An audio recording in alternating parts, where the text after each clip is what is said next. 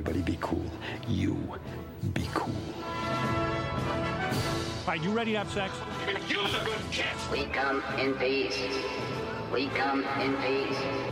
You are the motherfucking Antichrist! We're gonna let you go, okay? Ok. Film er best på radio. I'm gonna make him an offer he can't refuse. Nova Noir. Torsdag morgen og velkommen til Nova Noir, filmmagasinet som beviser at film er best på radio. Jeg heter Taleråd, og med meg i studio i dag så har jeg Miriam Angela Folland. Og Sondre Kauslund. Hvordan går det med dere? Det går, eh, det går bra. Det går egentlig veldig bra. Går greit, utenom at jeg er sinnssykt trøtt. Har dere fått sett uh, Call Me By Your Name ennå? Lurer jeg på. Ja, jeg har sett den. Jeg har ikke sett den. Det er min Oscar-favoritt, tror jeg, til å liksom vinne eh, den Ja. beste, beste film. Sjæl. Jeg tror eh, Jeg har ikke sett alle, da, men den er bare helt utrolig. Når du ser den, så sitter du og bare føler alt, og den er så vellaget. Jeg har en, jeg har en annen favoritt allerede, så det spørs om jeg eh, kommer til å synes det hvis jeg rekker å se den før Oscar-utdelinga. Hvilken er det, da, Sondre? Dunkirk. Dunkirk, ja, det er Ja. sant det.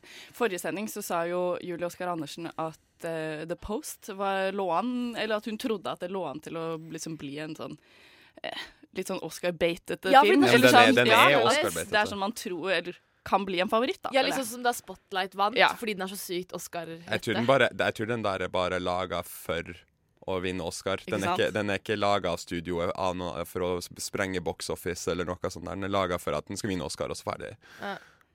Ja, nei, åh, jeg har liksom egentlig ikke noe lyst til å se den. Eller Nei, det, man får ikke lyst til å se den i det hele tatt. Jeg har sett en annen film som er nominert til beste film. Det er The Shape of Water, eh, den nye filmen til eh, Guillermo del Toro.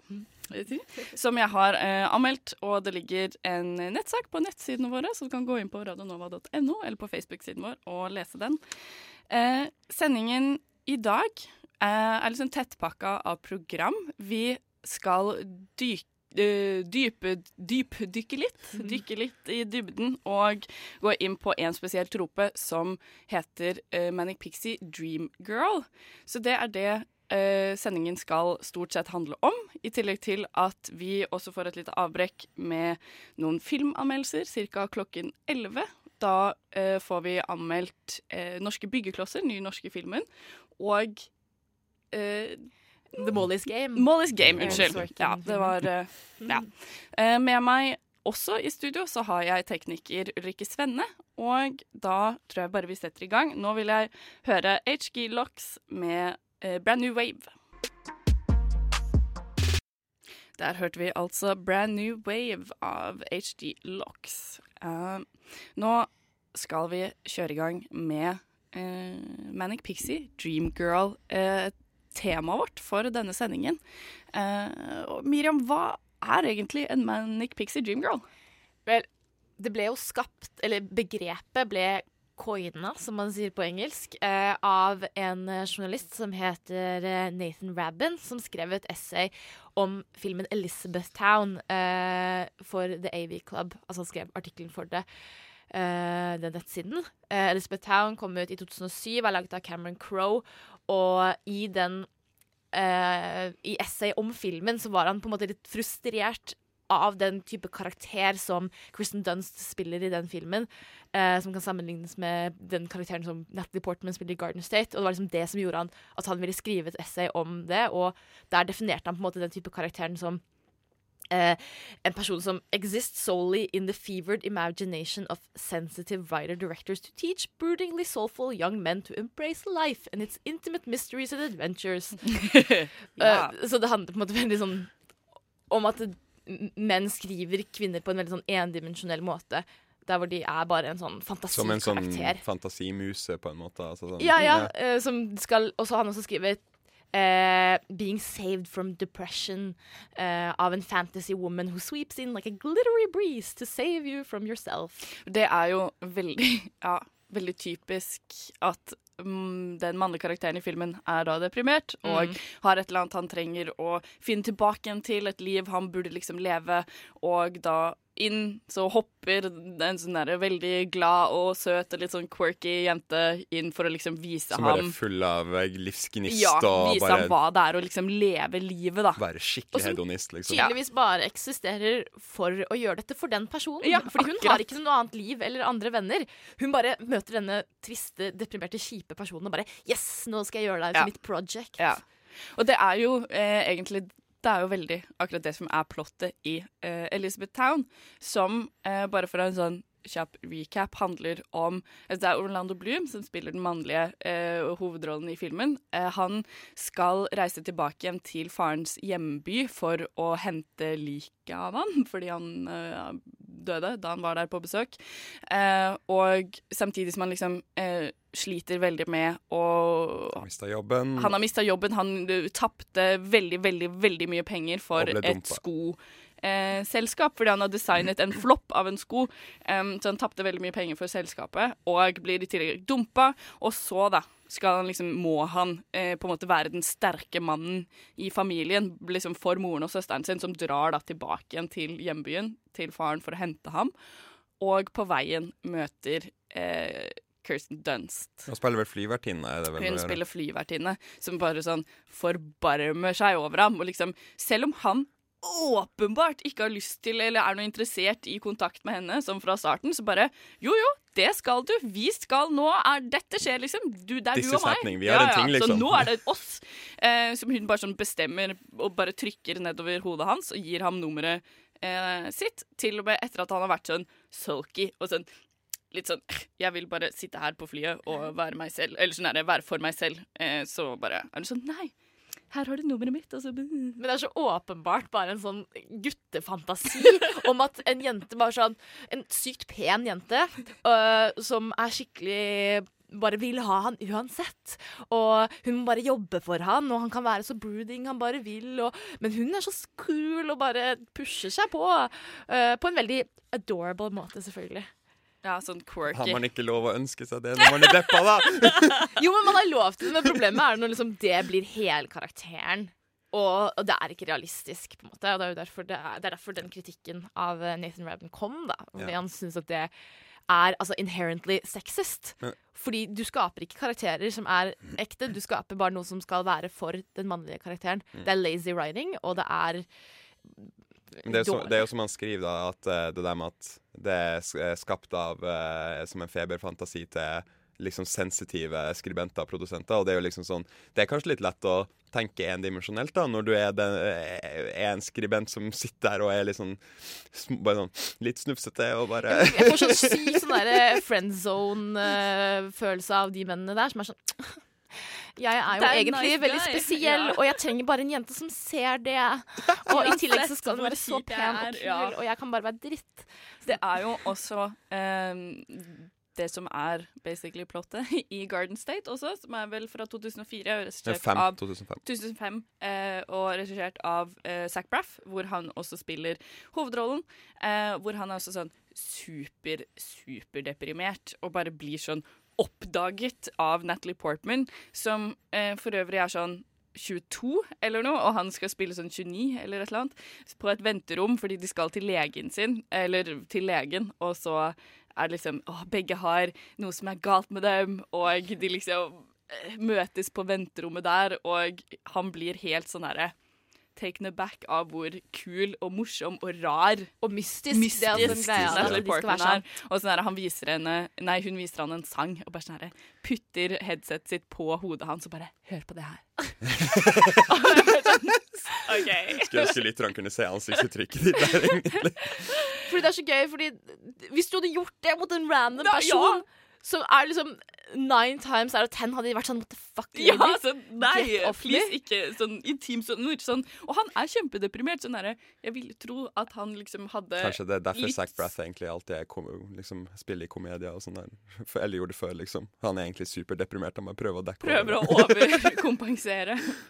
Men sånn, det er jo hele eh, Ja, hun har blitt eh, litt sånn epitome på eh, Eller i hvert fall det tidlige stadiet, epitomet av eh, Manic Pixie Dream Girl, fordi Natalie Portman i den filmen er så innmari rar. Eh, og nå skal vi bare høre et lite klipp fra den filmen, fordi ah, Nei, jeg tror jeg bare lar det snakke for seg selv, for det her er bare åh. We're not gonna make out or anything. What? I'm sorry. I just like totally ruined that moment, didn't I? No, no. It's just that like we're not gonna make out, okay? Oh, no, no, I, I hadn't planned on trying. Oh my! I am so lame. That was like really. I'm. I'm sorry. I forget I just said that. I'm. That's dumb. And you know what I do when I feel completely unoriginal? Blah blah blah blah. blah. I, I make a noise or I do something that no one has ever done before, and then I can feel unique again, even if it's only for like a second. So no one's ever done that. No, not in this spot. No, you just witnessed a completely original moment in human history. It's refreshing. You should try it. Oh, no, no, thanks. No, come on. No, I, you know what? I think that was good enough for the both of us. Come on. What are you, shy? This is your one opportunity to do something that no one has ever done before and that no one will copy again throughout human existence. And, and if nothing else, you'll be remembered as, as the one guy who ever did this. This one thing.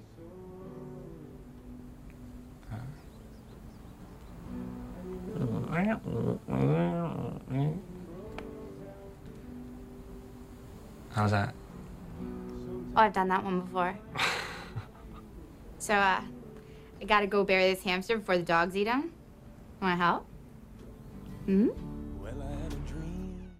Og jeg får så vondt av meg av å høre på det der. Det, altså, det er så fantastisk cringe-worthy at jeg bare åh, Men så er hun jo sånn Åh, ingen kommer til å kopiere det, det, det. men det her har jo blitt Nova Noirs nye måte å varme opp før vi kommer i studio. Så, og lage sånn med håndbevegelser. Så Ikke for min del, jeg vil ikke bli inkludert i den der. Du kan bare gjøre den der ja.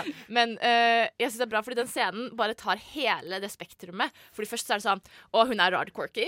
Og så er hun enda mer rar quirky. Og så prøver hun å dra han til å bli rar quirky. Hun prøver å få han til å leve livet. Og så mot slutten er hun bare sånn Let's go bury hamster. jeg, jeg, jeg, jeg føler nesten hun, hun eh, faller under den der Husker du den gamle 4chan-memen med den der holds up spork? Altså det der med å være sånn der, Å, jeg er så quirky og random! bare alt jeg gjør, er bare random. Ja, Ja, veldig. Ja. Fordi ja, det er litt sånn den samme tiden Ja, også, egentlig. mm. Ja. Ja, rundt sånn midten 2000, liksom. Sånn der. Kanskje alle bare higa etter å være unik for at internett ble jeg Ikke sant? Og apropos internett, så har vi jo da vært på dette store verdensomspringende internettet og funnet en eh, liste med ting som faktisk eh, definerer eh, en Manic Pixie Dream Girl. Eller sånn hvordan man skal kan spotte en Manic Pixie Dream Girl. Eh, først skal vi høre eh, Thanks med Sunshine.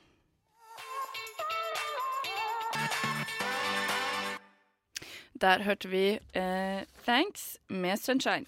Eh, og nå har vi altså funnet frem eh, en liste fra internettet som heter 'Ten Ways to Spot a Manic Pixie Dream Girl. Eh, og jeg er litt usikker på om den listen her egentlig helt har skjønt greia, på en måte. Fordi Når vi snakker om Manic Pixie Dream Girl, så har det jo gått fra den definisjonen som han Nathan Rabin gjorde. Han bare eh, lagde en definisjon av en jente som var eh, en kritikk av hvordan folk skriver jenter på den tiden. Eh, mens det har blitt liksom en hel trope. Ja. Og den har vokst og blitt noe helt forferdelig som ingen egentlig ville ha. Eh, og denne artikkelen egentlig veldig godt illustrerer det, Fordi her er det jo noen som har skrevet en artikkel eh, om liksom hvor søte og fine Manic Pixies er. Ja.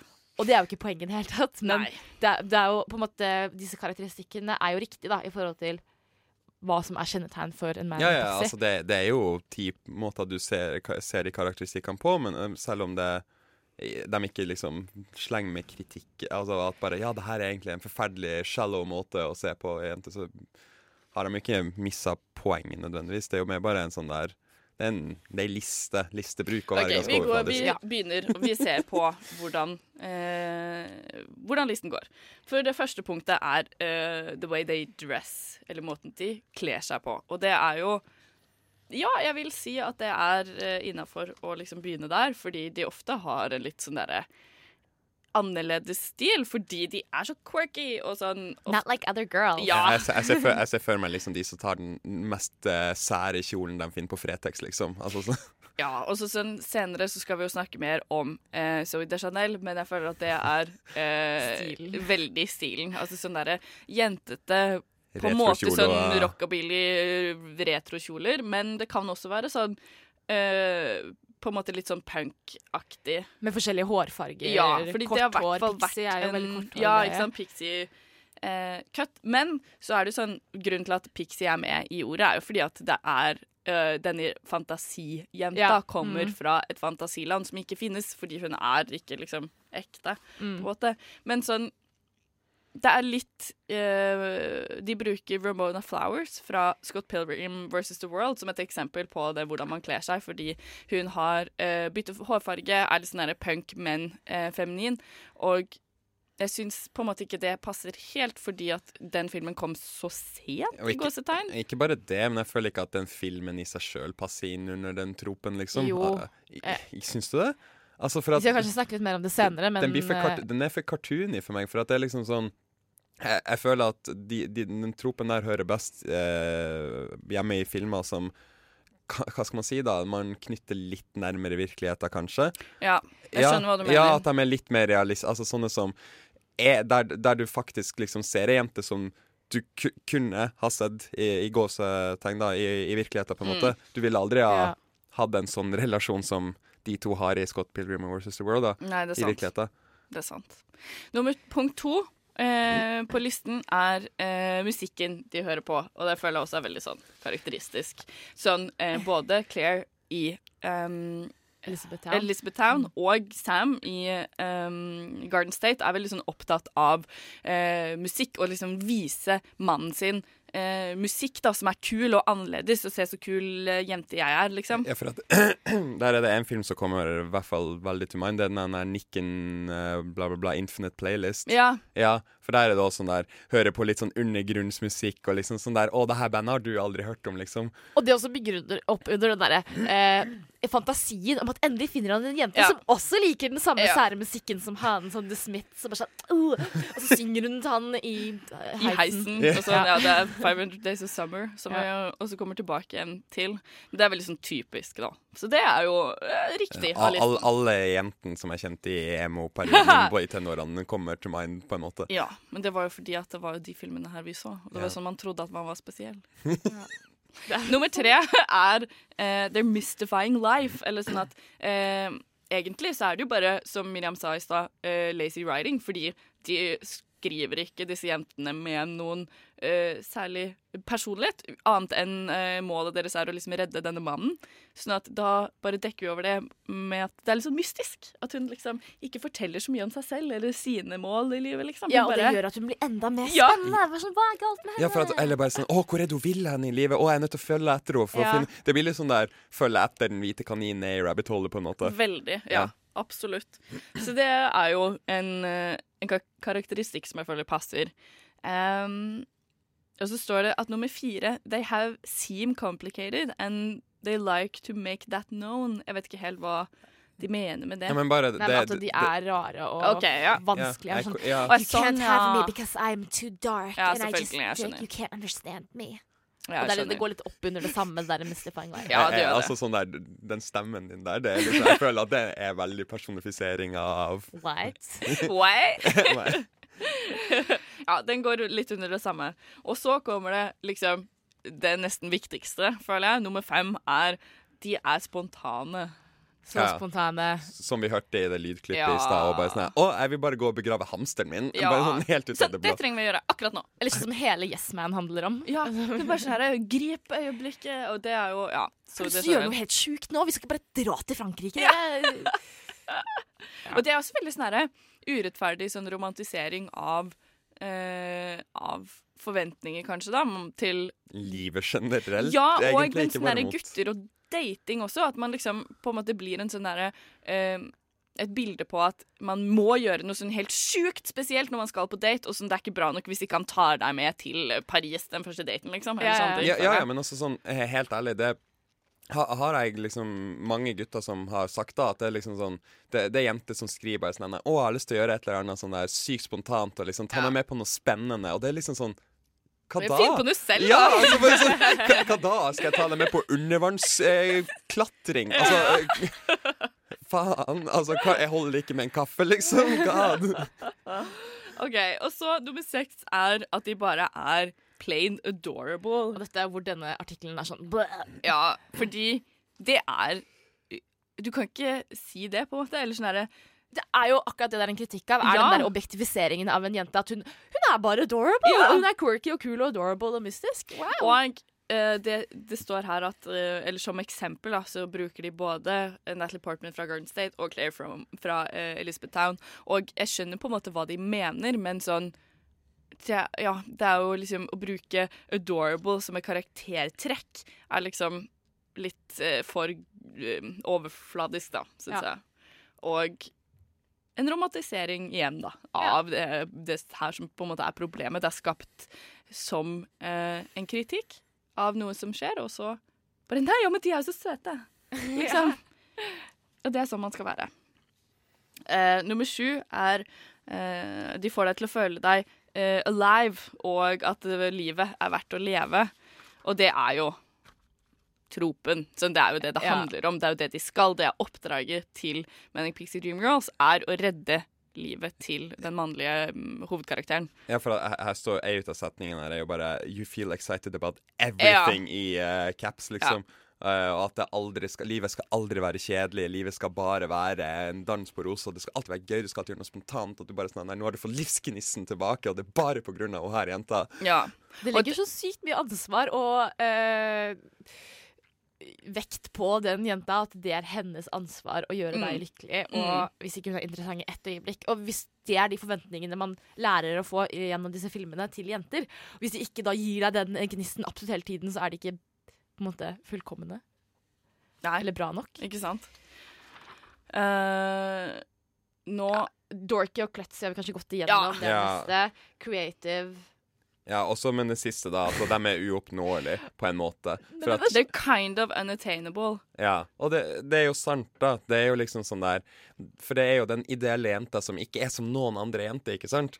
Og da er det jo at hun er den uoppnåelige liksom perfeksjon som henger oppe på himmelen der, og bare sånn der Oi, shit, det er sånn her eh, det Er det det her som er kjærlighet? Det er det her er det eneste jeg kan elske, liksom? Det er jo her som får meg til å føle meg levende, og bla, bla, bla, bla, bla. Og det er er, og og, og da, der kommer det jo på en måte inn kritikken òg, da. Altså sånn, De er jo uoppnåelige, og da Bare innse det, da, så skjønner du jo at Ja, men det er på en måte en måte Det er forskjell på å se på de som uoppnåelige, men ehm, Men fortsatt prøve å jage etter dem. Ja, eller men okay, ja. eh, realistisk, på en måte. Altså, Ja. Men at de fins, selv om du ikke har sjanse på dem. Ja, ja, ja, ja, og ikke å se at De de, fins faktisk faktisk fordi at de ikke. ikke sånn, finnes, ja. Ja. ja. Jeg føler at det er en viktig uh, ja. distinksjon, da.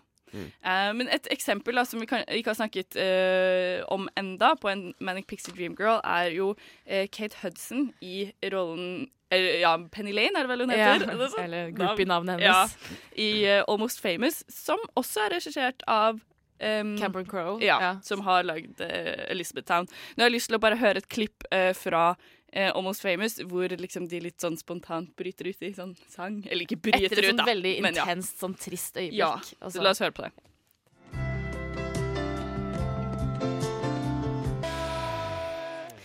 Der hørte vi altså eh, den gamle Slutface-låta 'Angst', som eh, spiller litt på den tropen med Manic Pixie Dream Girl, og vel på en måte snakke litt om hvordan uh, Soy de Chanel kanskje er uh, litt sånn blitt uh, Hva heter det? Poster girl. Poster Ja, child, ja. liksom, for, eh, for den tropen. Og det vil jeg vel si at hun har. Selv om eh, altså, sånn, Hun har i hvert fall blitt postergirl for det. Fordi den tropen oppsto jo, som vi har hørt tidligere, enn på en måte karrieren hennes kanskje liksom slo an, og hun ble stemplet som en Manic Pixie Dream Girl i seg selv, altså så, som person, person. ikke som en rollekarakter spesielt, men i privatlivet sitt også. At Ja, ja, hun har blitt sånn embodiment Ja. eh, av den tropen her, da. Og det er litt urettferdig overfor henne, fordi bare fordi at man er Og det går litt på det der, den listen vi hadde i stad. Bare fordi hun har mange av disse kvalitetene som en Manic Pixie Dream Girl liksom skal ha, så vil det jo ikke si at hun er det. Fordi det, da objektifisere Eller da simplifisere, Ja, simplifiserer ja, Det er vel mer en simplifisering enn en objektifisering. På en Ja. måte litt objektifisering òg, for da ser du det bare, som en én type ting. En, en søt, quirky person, istedenfor at hun er et allsidig menneske og en skuespiller og eh, har mye mer å by på. Da. Og mu musiker, for eksempel. Ja. Men hun er jo quirky som musiker og er sånn Ja. den der Å, Hun men det er det som er poenget.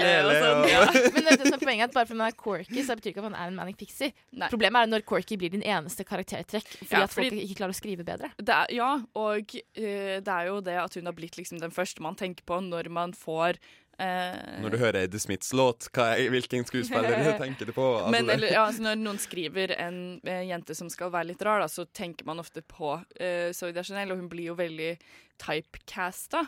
Mm. Um, for det startet jo med um, Yes Man fra eh, 2008, hvor hun spiller mot eh, Jim Carrey. Og hun skal liksom prøve å vise at det er liksom, livet blir så bra hvis du sånn sier ja til alt, da, på en måte. Og det er, sånn, det er veldig typisk eh, livssyn, da. Men det virker til- genuint manisk òg, liksom. Altså, Ja, sånn. det kan nok stemme. Det er en stund siden jeg har sett den, må jeg innrømme. Men eh, ja. Og da Det passer jo, det òg, med Mm. Manic Pixie. Ja. Ja. Men så kom hun jo noen år senere ut med ehm, 500 Days of Summer. Stemmer. Eh, eh, der hvor hun spiller mot eh, Joseph Gordon-Levitt, Levitt, som er jo da den deprimerte brooding man, og så er hun en sånn sparkly, unobtainable, fantastisk person som har sykt kul musikksmak. Ja, ikke sant. Eh, fordi, men den også blir jo eh, Så vi skal snakke litt om, mer om senere, tror jeg, men den blir jo på en måte en mer sånn kritikk av den tropen, da, uten at Det tok meg veldig lang tid å skjønne det, fordi at jeg tror jeg så den eh, litt for ung, og jeg bare trodde at det var en sånn derre eh, kul og søt romantisk komedie, liksom, om eh, et par som ender opp med ikke få hverandre, på en måte. Og Eh, jeg husker jeg den bare husker- sånn superdepressiv. jeg. Ja, Eller jeg husker skikkelig godt at jeg bare sånn Å, fy fader, hun Summer er så jævlig kjip, ass. Ja, For at jeg var sånn, å, hvorfor, hvorfor er hun sånn, og så vil hun ikke ha han på Ja. slutten og sånn. Uh, og, og, men når jeg har sett den i ettertid, så er jeg sånn, herregud, så dum du er. Ja. Men det var jo fordi at inntrykket mitt fra veldig mange andre filmer var at det var jo sånn det skulle ende. At han skulle, hun skulle ville ha han. Men, men det, det må, det må være lov å si at hun faktisk Sånn når du får se eh, hvordan hun egentlig var på en måte i de situasjonene Du må få lov å si at ja, ja, hun, hun, hun, var, jo, hun var jo faktisk kjip. Det var jo bare en ytterligere dimensjon. Hun var jo faktisk litt kjip. Det var Men jo, var hun kjip? Hun sa jo helt fra starten av 'jeg vil ikke være i et forhold med deg'. Ja. Hun Nei, sa nei, det. nei, nei, nei, men nei, diskusjonen skal vi ha senere, faktisk. Eh, men videre nedover karrieren til eh, Zoe Chanel, så har hun jo også fått på en måte sin egen serie som heter New Girl, og hvor hun eh, på en måte spiller egentlig litt sånn samme typen, da. Så det er jo, hun blir jo typecasta, og det er liksom det hun eh, Det er den rollen hun har, og hun har jo gjort det bra. Den har fått mange sesonger, og jeg husker at jeg likte den godt da den kom. Mm. Um, men for det var på den tida du lik, også likte Big Bang Theory, liksom. Ja, helt absolutt. Fram til du fant ut at det sugde. -hmm, akkurat. Det var uh, Jepp. Men jeg, jeg, jeg, jeg syns at uh, på en måte i den serien så er hun også veldig teit. Og, Det kjempeteit. og det er så fint at det ikke bare ble en sånn Å, alle er forelska i henne, på en måte. At det i starten, i hvert fall, det de kanskje prøvde på i starten, men som de mister litt utover i sesongene, er at eh, hun kommer inn med de, til disse guttene, og de er bare sånn Oi, pen dame. Og så er hun bare spinnvill, liksom. Hun og de er er bare sånn gæren. What the fuck? Du er jo helt Du er jo kjemperar. Fordi anslaget er vel at hun slår opp, eh, eller blir dumpa av kjæresten hun bøster an i å være utro, og så må hun finne et nytt kollektiv, og da flytter hun inn med de her guttene, da. Ja. Og hun er jo helt manisk sånn kjærlighetssorg, kjærlighetssorg, og liksom ser uh, Dirty Dancing sånn tre ganger etter hverandre, liksom. Og bare ligger og griner og siterer Ringnes herre av en eller annen rar grunn. Og de guttene bare hva, hva er det med hun dama her, liksom?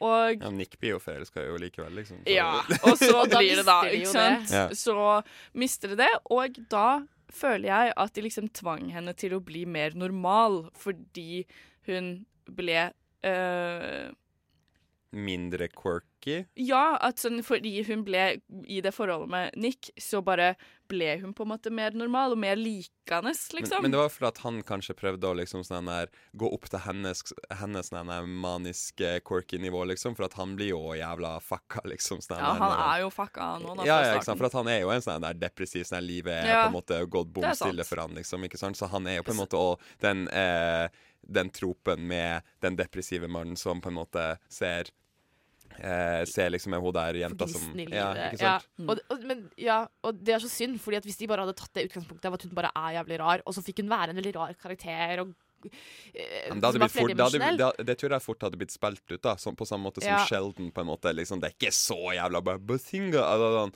du går litt lei Ja. de der tingene òg. Sant. Det er nesten mer endimensjonalt igjen, liksom. Mm. Ja, det er sant. Jeg, jeg bare vet ikke. Det var så teit at hun skulle liksom Fordi Når man har, den ja, og når man har eh, en serie, så har man jo mye større rom for å utvikle en karakter. da At de liksom ikke helt greide det, kanskje. Jeg vet ikke, jeg droppa å se på det. Så de Chanel blir typecasta, i hvert fall. Uh, jeg har egentlig ikke hørt henne si noe særlig om hva hun tenker om den tropen. Men uh, Jeg så et eller annet intervju jeg bare, Jeg leste ikke intervjuet, men hun skrev sånn her Hva er egentlig en Manic Pixie Dream Girl? Liksom? Fordi hun vet jo at hun blir stempla Ja. som det. Så hun bare sånn Men, ja, men hvorfor liksom For at hun, hun vet, ja, men det er for at hun vet sjøl at hun bare er rar og quirky, liksom. ja, så men, bare altså, ja, men, okay, ok, men hva er en Manic Pixie Dream Girl, da? Ja, jeg er rar og quirky, men hva, hva faen har det å si? Mm. La meg være det. ja. På en måte uten, å være, at, uten at du skal stereotype meg. Ja. Mm. Men ja. Blir litt sånn ettertenksom. Uh, nå skal vi få høre uh, Else Skogan med High eh, Expectations.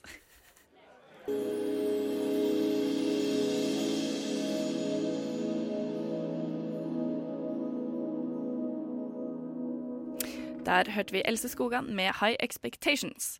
Eh, som vi snakket litt om eh, under sangen her, og som dere kanskje har forstått litt eh, i løpet av de eh, tidligere i løpet av tidligere sendingen, så er dette en litt sånn vanskelig trope å snakke om. Eller det er vanskelig å eh, holde kursen helt rett hele tiden. At eh, man går seg litt vill, da, og eh, blander litt ting, og mye går, glir liksom inn i hverandre og sånn. Og da så tror jeg også at Sondre og Miriam har en litt forskjellig forståelse av hva eh, man kan bruke Manic Pixie Dream Girl-tropen til, eller den eh, definisjonen til, da, eller hvordan man ser på den. Sondre hadde jo eh, noen eksempler på ting han liksom har lyst til å kalle Manic Pixie Dream Girl fra nyere tid. Er det, var det sånn det var? Ja, altså eh, For eksempel filmer som Paper Towns, for eksempel. Eh, med Cara Delvine. Mm. Eh, og også, eh, eh, er det vel Crazy Stupid Love. Eh, med Emma Stone. Emma Stone. Hun er jo også sånn der Jeg føler at hun blir typecasta i roller der hun på en måte bare skal spille liksom sånn der, den der litt sånn ville, crazy jenta som på en måte Ikke nødvendigvis får en deprimert mann ut av, eh, ut av sumpen, oppå seg, men Men som også på en måte kanskje øh, For å være litt blunt, at hun kanskje ikke er sånn klassisk pen, men pen, og så Ja, er hun ja. litt sånn quirky Ja, for det og de sånn er quir- sånn quirk, særpen, Ja, som liksom du gjerne kan kalle Det det. gjelder jo både henne og Cara, egentlig. Ja, ikke sant? Og Zoe Deschanel, kanskje. Ja, Ja, ja, sånn særpen, sånn ikke atypisk Eller altså atypisk pene, på en Mm. måte.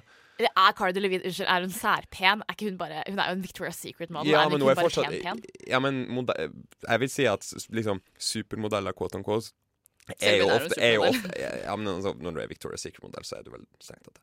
Ja, det er Eh, det jeg sier. Ja, Mm. og, og da er det liksom sånn De er ofte litt særpene. De skal, ha litt, ja. de skal, ha, litt sær, de skal ha litt særpreg på, på utseendet sitt. Ja, men ok, Særpregen er at hun har litt store øyenbryn, liksom. Men utenom det så har hun jo bare et sykt perfekt ansikt med en bitte liten Mm. knappenålsnese og vakre store øyne og fine lepper og helt eh, proporsjonal og er Jeg skjønner hva du mener, men liksom. jeg er mer enig. Jeg syns at hun er veldig særpen. Altså sånn, For at hun er ikke den der A4 eh, Hun ser ikke liksom sånn der A4 Ok, blond. Men sånn, Det er det, er ikke, egentlig poenget Whatever. om hun er pen eller Nei, ikke. Men Men eh, sånn at Fordi man kan ofte eh, tro, da, eh, ved Ja. første øyekast, at eh, karakterer som eh, de ofte får, eller som de i hvert fall har henholdsvis i Paper Towns og i eh, Crazy Stupid Love, kanskje, at man, det er lett å misforstå da, og kanskje tro at det er en Manic Pixie Dream Girl.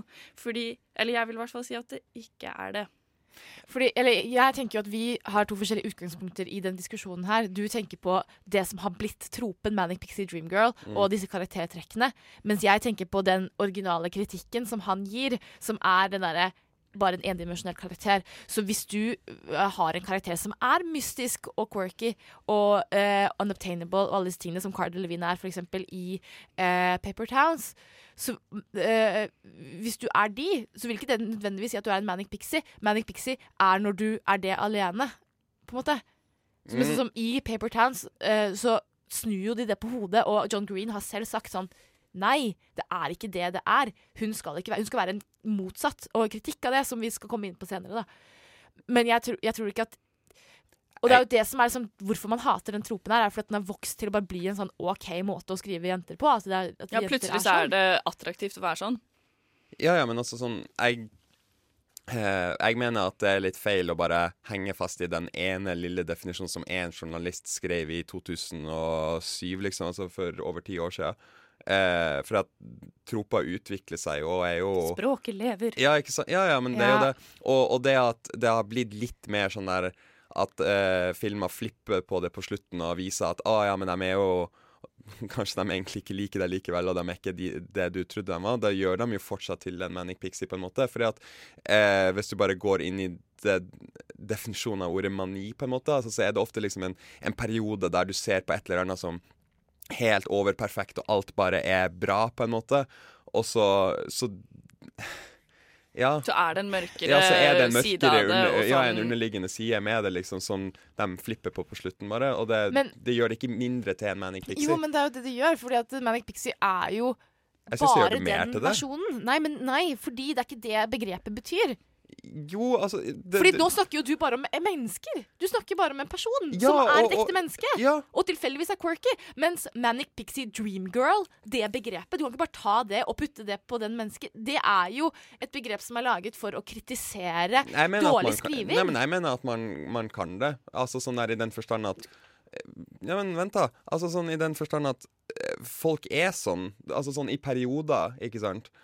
At det er i perioder at enkelte I perioder så er de Ja, så- bare til for å please en mann Nei, nei, og ja, men en altså sånn- mannlig skribent. Nei, men drit i skribenten. Drit i å se på det filmtekniske bak det, liksom. sånn der. Men altså sånn, for, å, for at filmer skal jo på en måte ofte gjerne prøve å gjenspeile virkeligheten. jo sånn som i Paper Towns, da, eh, så er hun liksom sånn eh, Der spiller Cara den, den jenta som i en periode liksom der eh, Hva skal man si, da, der livet på en måte er litt tåkelagt da, for han, eh, siden han er den der eh, hva skal man si da, den litt sko, sko ja, han taperen på skolen, da, han er i tapergjengen og bla, bla, bla. Så, øh, og har lyst til å ha, være med den populære jenta, liksom. Så hva skal man si da, så, så ser han den der maniske jenta som på en måte Oi, er helt sånn uoppnåelig, og sånn der, og så snapper han ut av den perioden og ser at oi, faen. Men, men det er ikke det Men altså, John Green har jo sagt det selv, at han vil ikke at hun skal være en Hun er ikke en Manic Nei, men fordi, synd han Ja, skrev men- henne som ei. Nei, han gjorde ikke det. Han gjorde det med vilje. Han skrev med vilje den her for å spesifikt kritisere The Manic Pixie Dream Girl, som Men, du, blir men, skrevet i andre filmer. men var det ikke du som sa at Manic Pixie i seg sjøl var en kritikk? Ja, det er en kritikk, men han, nei, men han kritiserer det som, som, som du som, som at, Han kritiserer det at det har blitt en sånn greie hvor det er greit å skrive kvinner på den måten. Så han sier sånn eh, Vet du hva, det er ikke det, det, det De personene her eksisterer ikke, og det er derfor på slutten at hun bare er sånn jeg jeg bare Spoiler alert, den- um, du kjenner ikke meg. Dere kjenner ikke meg. Jeg er et ekte menneske. Ja, men det tror jeg på en måte at Jeg mener at det, det den dimensjonen der At, eh, at de er også sånn der at Oi, se, jeg er ikke ekte, det er ikke sånn jeg egentlig er. At det på en måte er blitt innlemma i tropen, da. For at de, de filmene har jo Ja, men altså, det har det vært så mange filmer liksom siden Garden State og Elizabeth Ann som har vært bare med sånn der Herder Manic Pixies uten noen flere dimensjoner? Nei, det har de fleste har jo vært sånn der Yes kritikk. Band kom jo etter det, og eh, OK, prøvde å komme på flere sånne. Jeg leste at A Million Ways to Die in the West Ja, det jeg eh, kan være et uh, eksempel Ja, på det. sant. På en moderne. Uh, men Eh, Men skjønner, du hva jeg mener? Jeg skjønner hva du mener, men jeg er liksom uenig med deg. At vi kan bare la tropen bli noe annet enn en kritikk. Fordi ordet i Altså, begre- hør på det, da. Manic Pixie Dream Girl. Det er en Altså, Fantasi. det er en fantasi, Ja, nettopp, og det er en kritikk når du kaller noen altså, eh, Pixie Men en dream Dream men en, Girl, ja, men liksom. altså sånn, det er jo bare at eh, drømmen har blitt til at du viser at det er en drøm, da. Jeg vet ikke. Jeg skjønner veldig gjerne den, godt den diskusjonen her, fordi det er vanskelig å eh, på en måte lage distinksjoner mellom de tingene her. Vi skal snakke mer om, eh, om kritikken av eh, Manic Pixie Dream Girl og filmer som på en måte kritiserer det igjen, eller blir en sånn slags parodi litt senere. Men først så kommer Sunlux eh, med Lost eh, It to Trying', og det er en sang fra eh, Paper Towns. Der hørte vi altså Son Lux med 'Lost It to Try'. Lost It to Trying. Eh, det er en sang som er hentet fra filmen eh, Paper Towns, og før den så eh, det litt, ble det litt hett eh, med diskusjon i studio her og definisjonsspørsmål. Eh, men en annen ting jeg er litt nysgjerrig på, eh, er Altså, nå har vi snakket mye om eh, damer, åpenbart. For det er jo Manic Pixie Dream Girl som er eh, temaet i dag. Men hva er på en måte ekvivalenten til Manic Pixie Dream Girls? Finnes det en Manic Pixie Dream Guy, eller hvordan Hva, hva skjer der, på en måte? Eh, jeg mener at det gjør det. Mm. Altså sånn eh, Men ikke på den samme måten. Det er ikke den der maniske gutten liksom som bare løfter jenta ut av en, en mørk, et mørkt område oppå seg. Jeg tror det er mer um, Et godt eksempel på det er Ryan Gosling. Eh, hvordan han blir eh, typecasta. Og gjerne eh, bare som den perfekte mannen, på en måte, som liksom har alt på stell, og det er ingenting galt i livet hans, og liksom han skal være klippa di, han skal være den solide personen som holder deg oppe, liksom. Eh, og som gjør sånne store romantic gestures. Og tar deg med på det som vi sa tidligere, liksom sånn det helt ville datene, på en måte. Eh, og blir unobtainable på den måten, da. Alltid kler seg bra, liksom sånn der Du skjønner? Gentleman. Ja, gentleman, Absolutt, økonomisk absolutt. stabil, everything sånn, liksom. Jeg er helt uh, enig med deg i det, fordi at det blir på en måte uh, svaret, da. Det blir jo ikke eh, akkurat eh, det samme. Det blir ikke en Manic Pixie Dream Guy, men jeg føler at det blir eh, det samme svaret da, som jenter ofte romantiserer Ja, fra sant, romantiske komedier, ja, og blir den den perfekte kjæresten, liksom. Ja, som- sånn som han er i The Notebook, Ja. hvor han bare liksom Som er hele sånn den farligste filmen ever. Ja. Eh, Som jeg elsket da jeg var Ja, jeg også gjorde jo det, og det var jo sånn eh, Jeg føler også Apropos John Green. ja, ja, men altså den måten å portrettere uh, gutter på i romantiske komedier er veldig lag, lagd for eh, det kvinnelige blikket, da. Ja. Eh, når man ofte snakker om hvordan eh, damer blir eh, portrettert på film for å følge dem male gaze, liksom, Ja. så blir det her omvendt, da. Og det er det jeg føler er litt sånn derre Det kan bli litt sånn skummelt, eh, og rett og slett en sånn figment av, of your Av, imagination. ja, av jente sin fantasi, Ja. da. Altså, sånn, det er sånn du skulle ønske at den ideelle mannen var, liksom. Når realiteten er at nei, har ikke alltid økonomien på stell, nei, jeg kommer ikke alltid til å gå rundt i en uh, 5000 dollar suit, liksom, og kommer ikke til å ta deg med på de beste restaurantene all the time. Altså sånn Ja, no, det er ikke realistisk, rett og slett. Men vi har jo også faktisk eksempler på liksom mer sånn Manic Pixie Dream Girls i bare manneversjon. Så som for eksempel i The Fault in Our Stars, så har vi han spilt av Ansel Elgort, eller hva han heter for noe. Stemmer. Som bare er sånn Augustus. Augustus. Ja. Som bare er Åh, den største Ja. Manic Pixien. Han er bare så weird. Hæ? Jo. Hva er greia med at han kommer Det er igjen? John Green, ja. Ja. Men der, der lager han jo en Manic Pixie, mens i de andre bøkene hans så på en måte kritiserer han det. Ja, ikke i Notebook, da. Altså sånn Nei, det er ikke John Green. Det er, Er ikke det- det- Nei, nei. det er, eh, Nicholas Sparks. Nicholas Ah, Sparks, som er sjefen over eh, de der Ryan Gosling-type Ja, ja, ja, ja. eh, Manic Pixie. Og så har vi også, som jeg kom på nå, har dere sett filmen Obvious Child med Jenny Slate? Nei. Den er kjempebra. Det er Jenny Slate fra Ja, Parks and. Recreation. Hvor hun spiller en sånn komiker som er litt sånn øh, alkoholisert og finner ikke ut av livet. Og så møter hun eh, en fyr som bare er sånn litt sånn dorky og teit og liksom vil ha henne og prøver å liksom, eh, liksom være skikkelig søt og snill mot henne. Og så er egentlig det bare hele purposen hans at hun skal komme seg ut av sitt shell. Ah.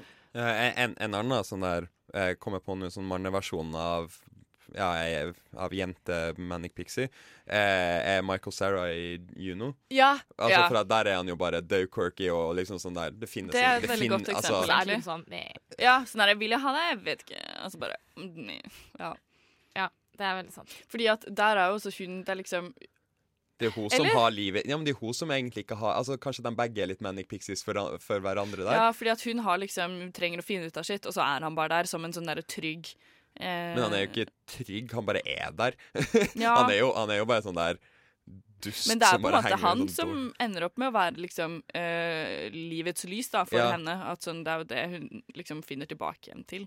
Men sånn, jeg har også hørt, eh, eller at man kan argumentere for at eh, Girls sin eh, Adam er litt Manic Pixie Dream Guy, fordi Ja. han sånn Selv om fordi det er det formatet at det er en TV-serie, så blir vi jo åpenbart mer kjent med han som karakter. Han er ikke en endimensjonal karakter, men at han liksom blir den derre sånn tøffe, mannete liksom sånn epitome da, på en måte av maskulinitet. ja, Ja, ja. og mas machokultur. Sånn der han jobber eh, med sånn eh, Håndarbeid, liksom. Ja. Eller sånn der, ja, og sånn eh, driver og woodwork og er skikkelig sånn Eller woodwork, ja. For så Ja. lager han noen ting. Eller bare slår lager han på ting. Oh, ja, det gjør han jo. Og så slår han på ting, og så er han Ja. Men så er det jo liksom det at han blir eh, Ja, går i baris hele tiden og bare sånn hjelper Hannah ut av uh, sine ting, da, depresjoner. uh, blant annet selvfølgelig så ser vi jo at han har jo sine greier, han òg, men det er det som på en måte er uh, rollen hans i sesong én, da, føler jeg. Å hente Eller- henne ut fra Nei, i sesong én så er han jo bare en sånn puleting. Ja, OK, kanskje litt henne. lenger ned Men veien, også, da. men, og, og så syns jeg også det er liksom i- eh, Argument mot det er Mhm. jo at han er jo egentlig ikke likbar. Han skal jo ikke være noe sånn som vi elsker i sesong én. Han er jo bare en huleboer av en Ja. mann og bare sånn der, ekkel, liksom. Det er sant, men jeg bare Nei, men for det, da. Altså, så, ja, Så bare greier jeg å bli helt sånn der blind. men, men, men, ja, men det er jo nettopp, ja, det er nettopp det du sier. Da. Du, blir, du, blir, du blir blind, ikke Neida. sant? Det er jo det i alle de her Altså, regardless om det er menn eller damer, liksom, sånn så er det sånne du skal bli blind på, ikke Men i motsetning til den Manic Pixie-greia, så er jo ikke dette en fantasi Nei, for de det er fleste kvinner. er å finne en litt sånn sosiopatfyr jeg som går i altså, baris og har Nei, nei, men hva, ekkel sex. altså, Nei, det er jo ikke det. Nei, men ekkel sex. Nei, altså, ekkel, ok, det, var, det, var Nei. sånn, det var ikke ekkel sex, men hun sier jo det. Sex er sex. Ja, nei, det er vakker sex. Jeg vet ikke hva jeg skal nå. Nei, men poen, poen, poenget mitt var kanskje bare at eh, altså, det finnes ulike sånn urealistiske idealer da, som For folk å på en måte oppsummere, da, så vil jeg si at Ryan Gosling-type fantasien er liksom ekvivalenten til Manic Pixie Dream Girl, Ja, mens uh, Angort Elson Jeg husker ikke hva han heter. eh, Augustus eh, whatever fra uh, Fault Stars er liksom faktisk en Manic Pixie Dream Guy, fordi han er sånn eh, fa Eller sånn derre Har så masse rare ting han liker, Ja, og ting på veggene. Og liksom altså. er der bare for å på en måte redde, uh, redde henne da ut av liksom håpløsheten Ja, av kreft, den på en måte. sykdommen. Jeg skulle til å si hun har ikke kreft. Jeg har ikke sett den filmen, for jeg nekta. Jo, begge, Begge er syke. Å ja, begge Å, neimen Ja. Vi Nei, skal ikke begynne å disse liksom, kreftsyke barn her. De er- Kreft i huet! Eh, nå har det kommet uh, til den delen av sendingen hvor vi har et lite avbrekk i Manic Pixie Dream Girl-temaet vårt. Vi skal få to eh, anmeldelser, og etter, men etter det så får vi også besøk av eh, et eget rom. Og vi skal sammen med dem snakke litt om på en måte feministvinklingen da, til eh, Manic Pixie Dream eh, Girl-tropen, og hvilke på en måte konsekvenser da, det kan ha for et ungt sinn, kanskje. Hva er et eget rom, forresten? Et eget rom er eh, feminist-radiokanalen på Nei, ikke radiokanalen, radioprogrammet på Radio Nova. Så det gleder jeg meg veldig til. Det blir gøy. Um, nå skal jeg spille en sang jeg liker veldig godt, fordi det er litt sånn jeg føler at eh, jeg var da jeg var 15 og litt sånn der, jeg trodde at det var kult å være Manic Pixie og spille sånn rar, eh, like sånn rar musikk. Så dette er det aller verste med dans til musikken. Det var altså det aller verste med dans til musikken. Nå er det duket for den første anmeldelsen med ukas kinopremiere. Nova Noir presenterer Nova Noir, Nova Noir presenterer eh. Fuck. Filmer på kino denne uken som har premiere. Kinopremierer. Kinopremierer? Kinopremierer. Ukens kinopremierer. Kinopremiere! Woo! Nova Noir presenterer ukens kinopremierer.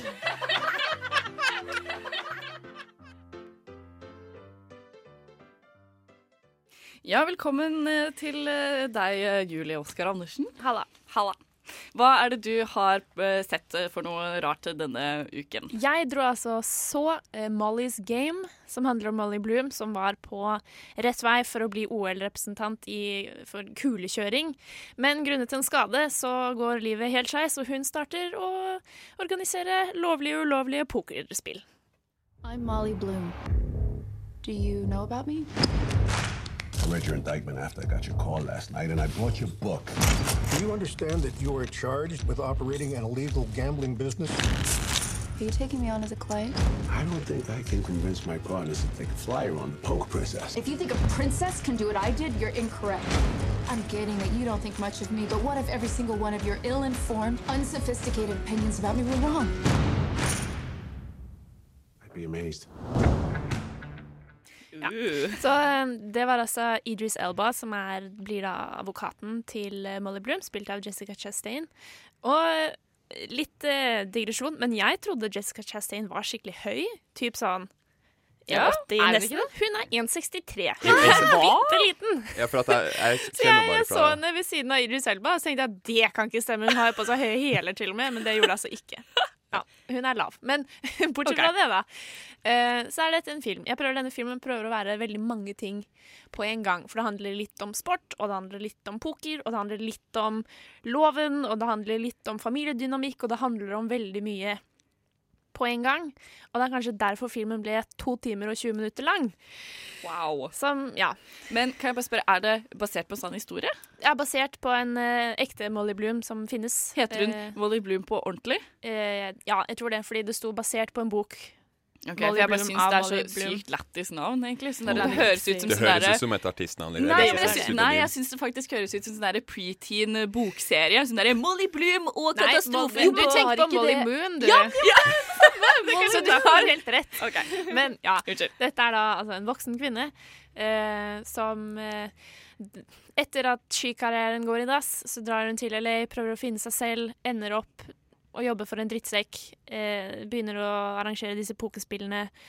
Og filmen starter der, og det åpner på en måte en ny verden for henne, da.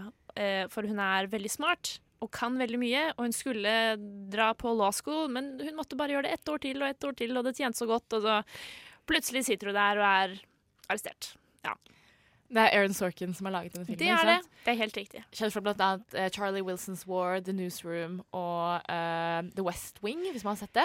Ja, ganske er ganske- politisk Politiske- tunge filmer. Det her var ikke det. Det var et unntak, Ok, vil jeg kult. si. Men jeg lurer på, det, Fordi det man ofte ser når man ser en Aaron Sorkin-film, er man sånn Shit, det her er Aaron Sorkin. Fordi at dialogen er så sykt sånn eh, vittig og smart. Alle er dritsmarte. Alle kan bare helt sykt mye fakta om alt i hele verden. Og de bare er så utrolig skarpe og smarte hele tiden. Og det blir Det er, det er jævlig kult å høre på, men det blir kanskje litt obnoxious noen ganger. Syns du det? Eh, når, du, når du sier det, for jeg har ikke sett så mye av ham ellers, men når du sier det, så kunne jeg kjenne det igjen litt, for hovedpersonen bærer veldig trekk av det.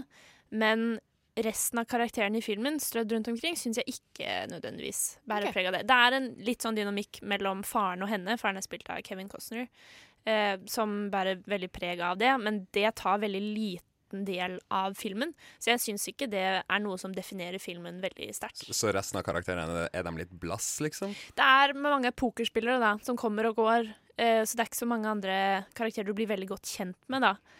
Men eh, det er Idris Elba og datteren hans har også kanskje et litt eh, sånn forhold hvor han gir henne ekstra lekser, og hun må lese ekstra bøker og skrive dikt og liksom være litt ekstra smart oppå det man skal være i utgangspunktet. Da. Og det er, ja, det er kanskje en litt gjennomgående tematikk. Og det å overprestere mye, og at foreldre som vil det beste for barna sine, men dytter litt for hardt, kanskje på bekostning av å være en forelder kontra en mentor, nesten.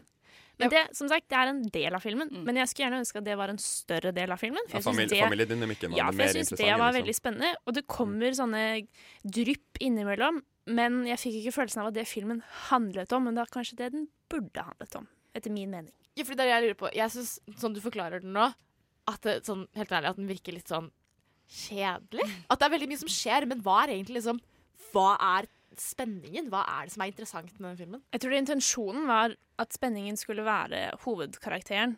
Det pokergreiene, Eh, at eh, Nei, at det bare er, Det er noe som skjedde med henne. ja. Det er bare backdroppet til henne. Ja, at hun, hun er veldig smart, men hun har tatt noen gale valg. Og hun prøvde å gjøre det lovlig og gjøre det riktig og gjøre det bra, men den verdenen hun sakte, men sikkert eh, innblander seg i, de behandler det ikke på samme måte, da. Og jeg følte at det ble også litt repetativt eh, til tider. Rene handlingsmomenter som på en måte gikk, og, gikk igjen og gikk igjen pga. disse pokergreiene, og hvorfor hun gjorde det hun gjorde, og hvorfor de andre gjorde som de gjorde, uten å si hva det er, da. Ok, for Jeg får litt sånn inntrykk av traileren og sånn at eh, det som er interessant med den filmen, her er at de har puttet en sterk kvinnelig karakter i et liksom mannsdominert eh, yrke, gåstegn, eller setting. Eh, er det på en måte det de prøver å få frem, liksom? Eller hvordan syns du hun ble portrettert som kvinne i oppi alt det her pokergreiene? Det er også et ganske viktig element i filmen, for mange av eh, de Ikke ulykkene, men de eh, tilfellene som går Eller de eh, Hva skal jeg kalle det? De hendelsene som går galt. Jeg prøver veldig hardt å ikke si det på engelsk, fordi jeg hører det så mye. Ja, de Ja. handlingsmomentene som skaper konflikt, da, er ofte disse gutta i pokersettingen som gjerne blir forelsket i henne. Eh, fordi hun er den eneste dama der, og så er hun jo veldig flink i jobben sin, og det er jo å få dem til å føle seg bra og spille mer. sant? Så de blir veldig fort forelsket i henne, og så må hun jo avslå, for hun er jo ikke interessert i noen av dem. De er jo tapere alle sammen. sånn. De er veldig rike, men de er jo assholes hele gjengen. Og når de, hun da eh, avviser dem, så blir de sinte, og så ødelegger det for henne. Så det er på en måte et gjennomgående tema, men jeg syns også det ble litt for lite utforsket. Alt var Det var bare for mye. Filmen prøvde på altfor mye, og den var altfor lang. To og en halv time er ikke greit. Altså, I hvert fall ikke når det er litt kjedelig. Sånn, handlingen var grei. Skuespillet var veldig godt. Uh, den far og datter-dynamikken var veldig interessant, men det var ikke nok Hun det. visste ikke helt hvor den skulle legge fokus. Jeg skjønte ikke hva filmen prøvde å si meg, og jeg skjønte ikke hva filmen prøvde å handle om, men det var for så vidt en relativt interessant historie om hvordan du hadde en så satt plan, og du skulle dit, og så gikk det helt til helvete, og så må du finne på noe annet, og nå er du plutselig et helt annet sted i livet. annen- Ja, ja. et helt annet sted i livet enn det du trodde du noen gang ville være. Og hva gjør du nå, da? Så den er grei. Litt glembar, rett og slett. Litt sånn I en film du ser én gang, kanskje, og så tenker du med, du bikker og setter, bare tenker en annen gang du slår på Netflix at shit, ass, den vil jeg se igjen. Ja, det, jeg vet ikke egentlig om man trenger å se den heller. Den var litt sånn, ufokusert og litt repetativ, men sånn helt grei. Det var ikke noe jeg kommer til å tenke på resten av uka, liksom. Hvis du skal oversette det til en karakter på en skala Nei, det må jo bli en fem av ti, da. Sånn, det er en helt grei Ja. film, og den var ikke dårlig. Jeg bare Den ga meg ikke veldig mye annet enn å bare være en grei film med gode skuespillere. Ja, den er grei. Eh, takk for at eh, du kom, Julie. Ja, bare hyggelig. Der hørte vi altså eh, Carla Bruni med 'Quelques Midi', som var eh, min beste fransk, hentet fra filmen eh, '500 Days of Summer'. Hei, Bjørn. Velkommen til eh, studio. Tusen takk. Nå, du har eh, sett uh, en annen film, du. Det har jeg. Og det er altså ukas andre kinopremiere.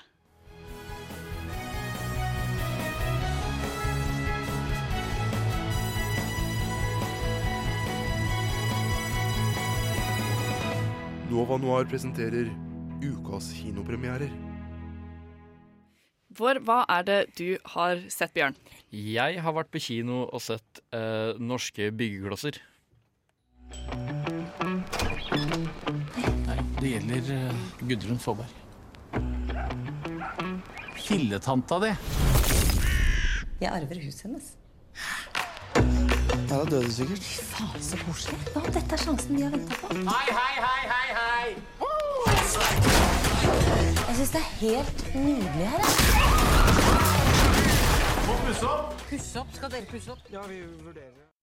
Ja, hva, hva er dette her for noe, Bjørn? Det her er jo en film eh, inspirert av, ikke basert på, eh, 1971-filmen ved samme navn. Og det handler da egentlig bare om problematikken når du er i et visst punkt i livet og skal prøve å bygge, prøve å bygge et hus. I originalfilmen, eller i denne filmen, så pusse opp et, eh, et bygg som du har arva, da. Det er, jo, eh, det er jo sikkert en problematikk som eh, mange kjenner seg igjen i, eller har vært igjennom, eller jobber med for andre. Hele den greia der. Eh, og det er da uh, Anders Baasmo Christiansen og Ine Jansen sine karakterer, som er da et par som får uh, endelig liksom muligheten til å, å fullføre drømmen om å bli boligeiere, da. Eh, og liksom på den reisen så møter vi diverse spennende karakterer. Alle sammen stort sett spilt av Atle Antonsen. Ja. Som også har eh, vært med på å skrive manus, sammen med Anders Frølich. Som, A- Arild Frølich. Arild Frølich, sorry. Um, som eh, har regissert den. Lukter jeg en liten morsom film, da, siden det Atle Antonsen er såpass mye med i den, eller? Det er en komedie. komedie. Eh, nå vil jeg si at det trenger ikke være en komedie fordi Atle Antonsen er med. Fordi Atle Antonsen kan gjøre hva faen han vil. Da. Eh, Det er sant.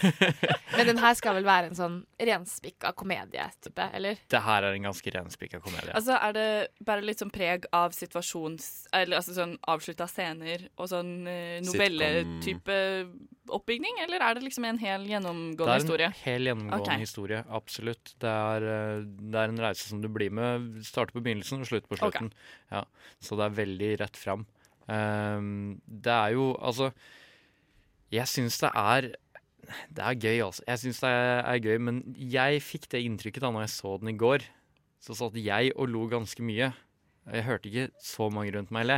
Det er veldig jeg- din type film, da, kanskje? ja, men uh, jeg tror det kan ha litt å gjøre med at uh, Jeg vet ikke, jeg, folk som jobber med sånn eh, kulturanmeldelse og sånne ting, er kanskje litt sånn ironiske folk. Og det er noe jeg skal ha sagt. At jeg tror den filmen her virkelig ikke er fordi du må, du må ha litt godvilje uh, for den filmen her. Du, ja. Ja, Er det liksom sånn uh, mamma-pappa liker, kanskje? Uh, litt mer sånn Litt tørr humor. målklassen? Jeg tror egentlig men- alle som ikke jobber med å være kritikere, og som er Alle som ikke er snobbete. Nordmann, og, liksom. og som er over 13 og under, uh, og, og under 25, tror jeg kommer til å synes den her er veldig morsom. Ok. Ja. Under fem Det var litt lavt uh, øvre jeg ville sett for meg at liksom sånn Mamma hadde syntes det var lættis å se den filmen, liksom. Fordi den er sånn Det, det, er, så, det er sånn klassisk humor. Ja, og, vent litt. Jeg sa, om, jeg sa feil. Fordi jeg, jeg mener at de eneste som jeg tror ikke vil ja, syns den er morsom, er mellom 13 og 25. Ja, da så. Ja. Det, er, det er liksom for alle andre. Så om du er et lite, om du er et lite barn, så tror jeg du bare sånn Herregud, det skjer liksom kjempemye morsomt. Og jeg tror hvis du er litt sånn eh, oppi åra, så bare sånn Han står på gardsplassen og brenner bildekk, ja. Det, det, det blir skikkelig bra. Han står der og brenner bildekk. Så, så, du hva han gjorde, så ser du hva han gjør for noe, eller? Bildekk ut på Ja, som- hagen, det. Jeg ser for meg liksom pappaen som bare sitter i sofaen og slå bort ja, 'Ser du det, gutten min?' Han gjør det der. Exactly. Det er en veldig sånn film. Men eh, kan du si noe mer om på en måte karakterene eller eh, den konkrete handlingen, liksom? Eller? Altså, det er jo den grafiske designeren og, og liksom dama da, som jobber på, i sånn babyshop-forretning. Eh, Babyland, som det heter i Radioresepsjonen. Eh, eh, mytos, for de som kjenner det. Men eh, altså, de er jo liksom De er jo forholdsvis unge, men de har jo Det er også litt fint, fordi de er kommet litt for kort i livet i forhold til der de kanskje burde ha vært. Skjønner. De er begynt å bli godt, godt voksne mennesker, men de driver også og sparer penger. Ikke først og fremst for å pusse opp, men for å dra på sånn verdensreise. Men så kommer det en mulighet, og så tar de den muligheten og kaster seg li sikkert litt fort ut i det. Og det ender opp med å bli kostbart og problematisk. Og mm. Eh, Atle Antonsen spilte elleve forskjellige karakterer, i Elleve jeg. forskjellige karakterer, ja. Syns du at alle karakterene var Atle Antonsen, eller syns du han klarte å lage et veldig sånn godt skille mellom de forskjellige? Der Jeg har to svar på det spørsmålet. Eh, jeg syns definitivt alle karakterene var liksom Atle Antonsen, men jeg syns det var veldig gode utgaver av okay. Atle Antonsen. Han er veldig flink på det, han, For han bruker jo ikke proteser eller liksom overdådig med sminke. Han tar på seg en parykk, liksom. og så er han en annen karakter. Ja. Og når han er den andre karakteren, så tror jeg på den karakteren. Ja, for jeg føler at det kanskje er en av de kvalitetene vi liker med Atle Antonsen. da. Altså at han, han har så eh, allsidig liksom, skuespillertalent som liksom ikke trenger å liksom maskeres opp. da. Ved hjelp av effekter, liksom. Det er sånn I motsetning til sånn som du ser i ganske mye sånn karakterbygging, spesielt i norsk humor, der de virkelig liksom går på tangentene med, med de helt ekstreme tingene i karakterene sin personlighet.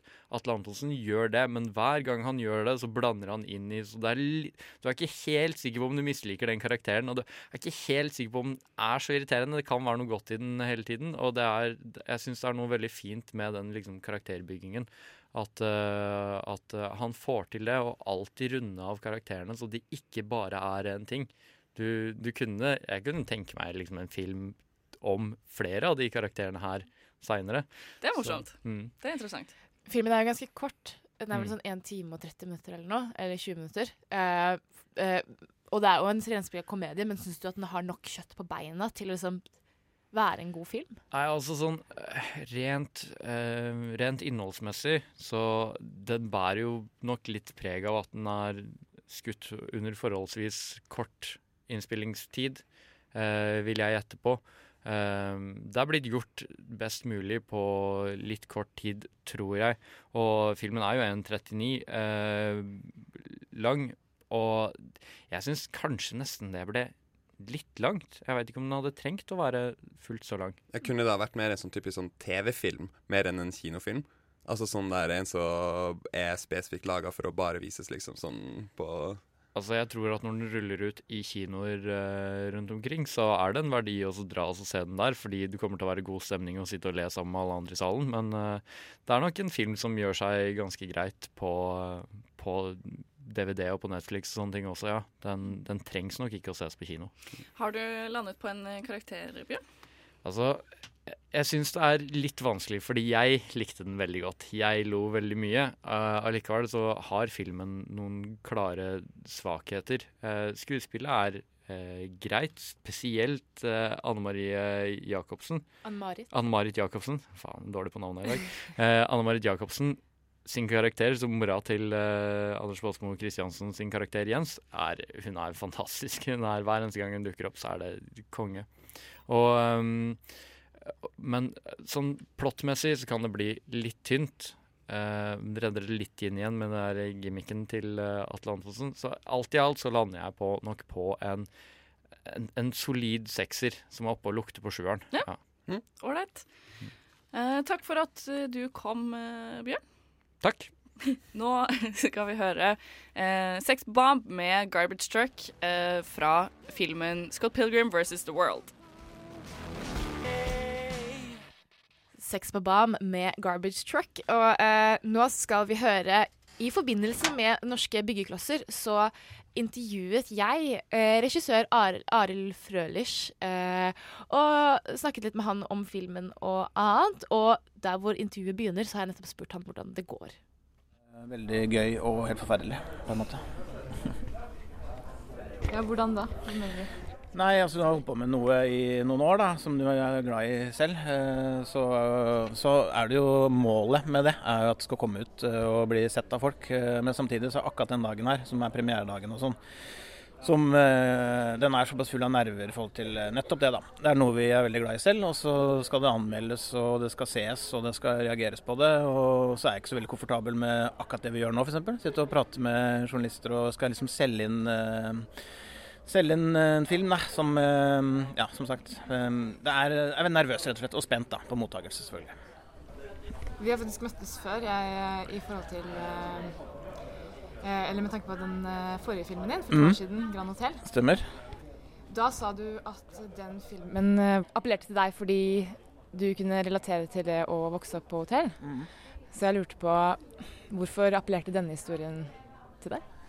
Her er det Altså, jeg har alltid vært veldig glad i komedier fra jeg var liten. Altså, det var det første De hyllene jeg løp mot eh, inne på videosjappa eh, hjemme på Gol, det var der hvor det sto komedie. Og gjerne de som hadde over tolvårsgrense. Det var liksom de eh, man skulle se. Og jeg har, har egentlig bare jobba med eh, kun jobba med humor, stort sett, fra jeg begynte å jobbe i over 20 år. Men de aller fleste filmene jeg har laga før, er på en måte komedier, mm, de også. Men de har ofte noe mer Det er liksom en mørk komedie. Eller, altså det, er, eh, det handler om eh, Altså det er en historie hvor jeg prøver å putte inn litt morsomme elementer for å dempe Eller for å veie opp litt. Men dette her er, jeg har alltid hatt lyst til å liksom prøve meg på den her reinspikka komedien, som jo, som jo er litt sånn uglesett også. Men som jeg tenker at hvis du får til det, det er liksom en sånn, For meg så er denne her eh, utfordringen er å få til en 90 minutter kino, kinofilm som eh, er morsom hele veien, men som også har eh, en historie som man engasjerer seg i. da. Så jeg tror det. Det prøve å lage en komedie som funker i 90 minutter, det er for meg en sånn stor utfordring.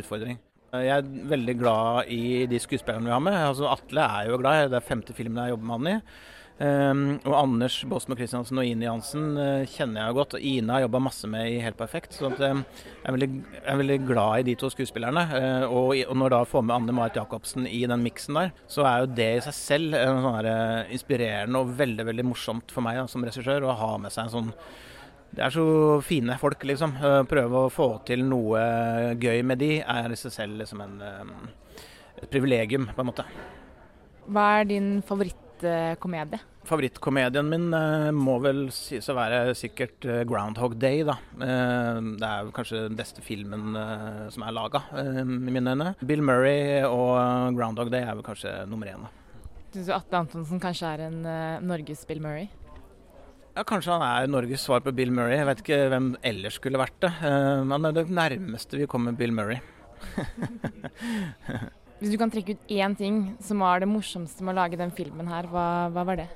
Det morsomste har vært å jobbe med de skuespillerne der. For det er jo noe med det når du sitter og skriver det. Eh, Jeg skrev manuset sammen med Atle. Så begynner man, og Atle jobber jo veldig mye med karakterene sine allerede der, når han sitter og skriver. Eh, Og så begynner man å få en sånn feeling av hvem disse folka er.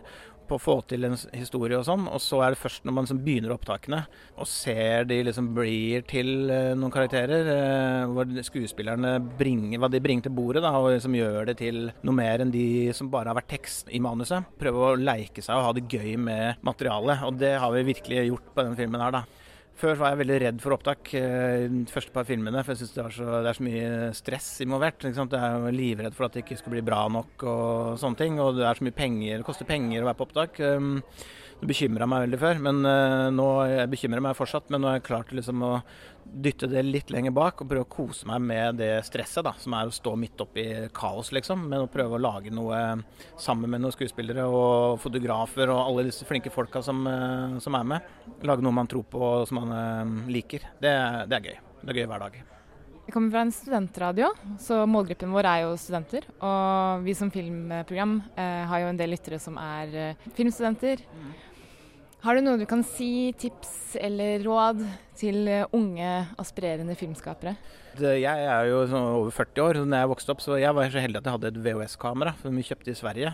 Så man kunne bære, Det veide 12 kilo eller sånt, denne opptakeren. Og så var det et bitte lite kamera i enden av en veldig tjukk kabel, som vi holdt på litt med. Men det var så tungvint. Du hadde liksom ikke muligheten mm, til å lage så mye film. Mens nå kan jo barna mine lage jo filmer på paden sin, liksom. Altså jeg tror, eh, hvis jeg skal eh, gi et råd, bare lag film.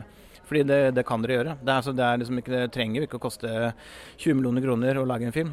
Lag mye, bare, og, men lag noe du liksom eh, Når du brenner for eller liker. Fortsett med det. Hvis ingen andre liker det, så kjøp på allikevel, liksom. Bare jobb. Føler du at du har vokst noe på å lage den filmen her? Jeg føler at jeg vokser for hver gang, samtidig som jeg mm, føler at jeg blir aldri ferdig. Ja, jeg håper at jeg vokser litt for hver gang, og det ikke bare blir dårligere og dårligere. For da må noen si ifra. Tusen takk. Bare hyggelig. Lykke, til, lykke masse til, holdt jeg på å si. Jo, takk for det. Lykke masse til, er det noe man sier? Ja, det kan man si. Det er masse lykke topp. til, kanskje. Ja,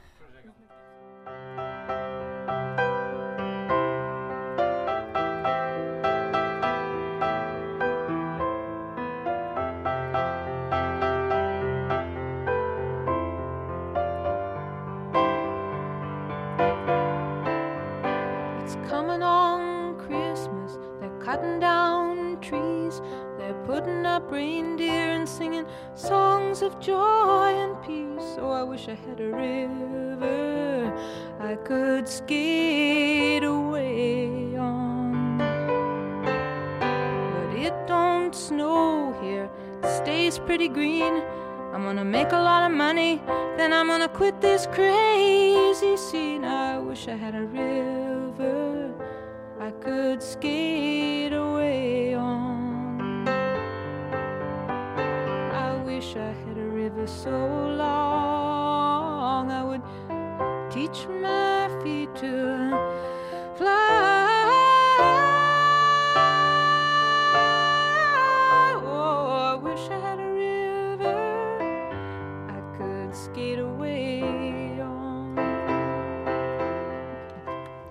Der hørte vi en liten eh, snippet av eh, River av Joni Mitchell, hentet fra filmen eh, Almost Famous.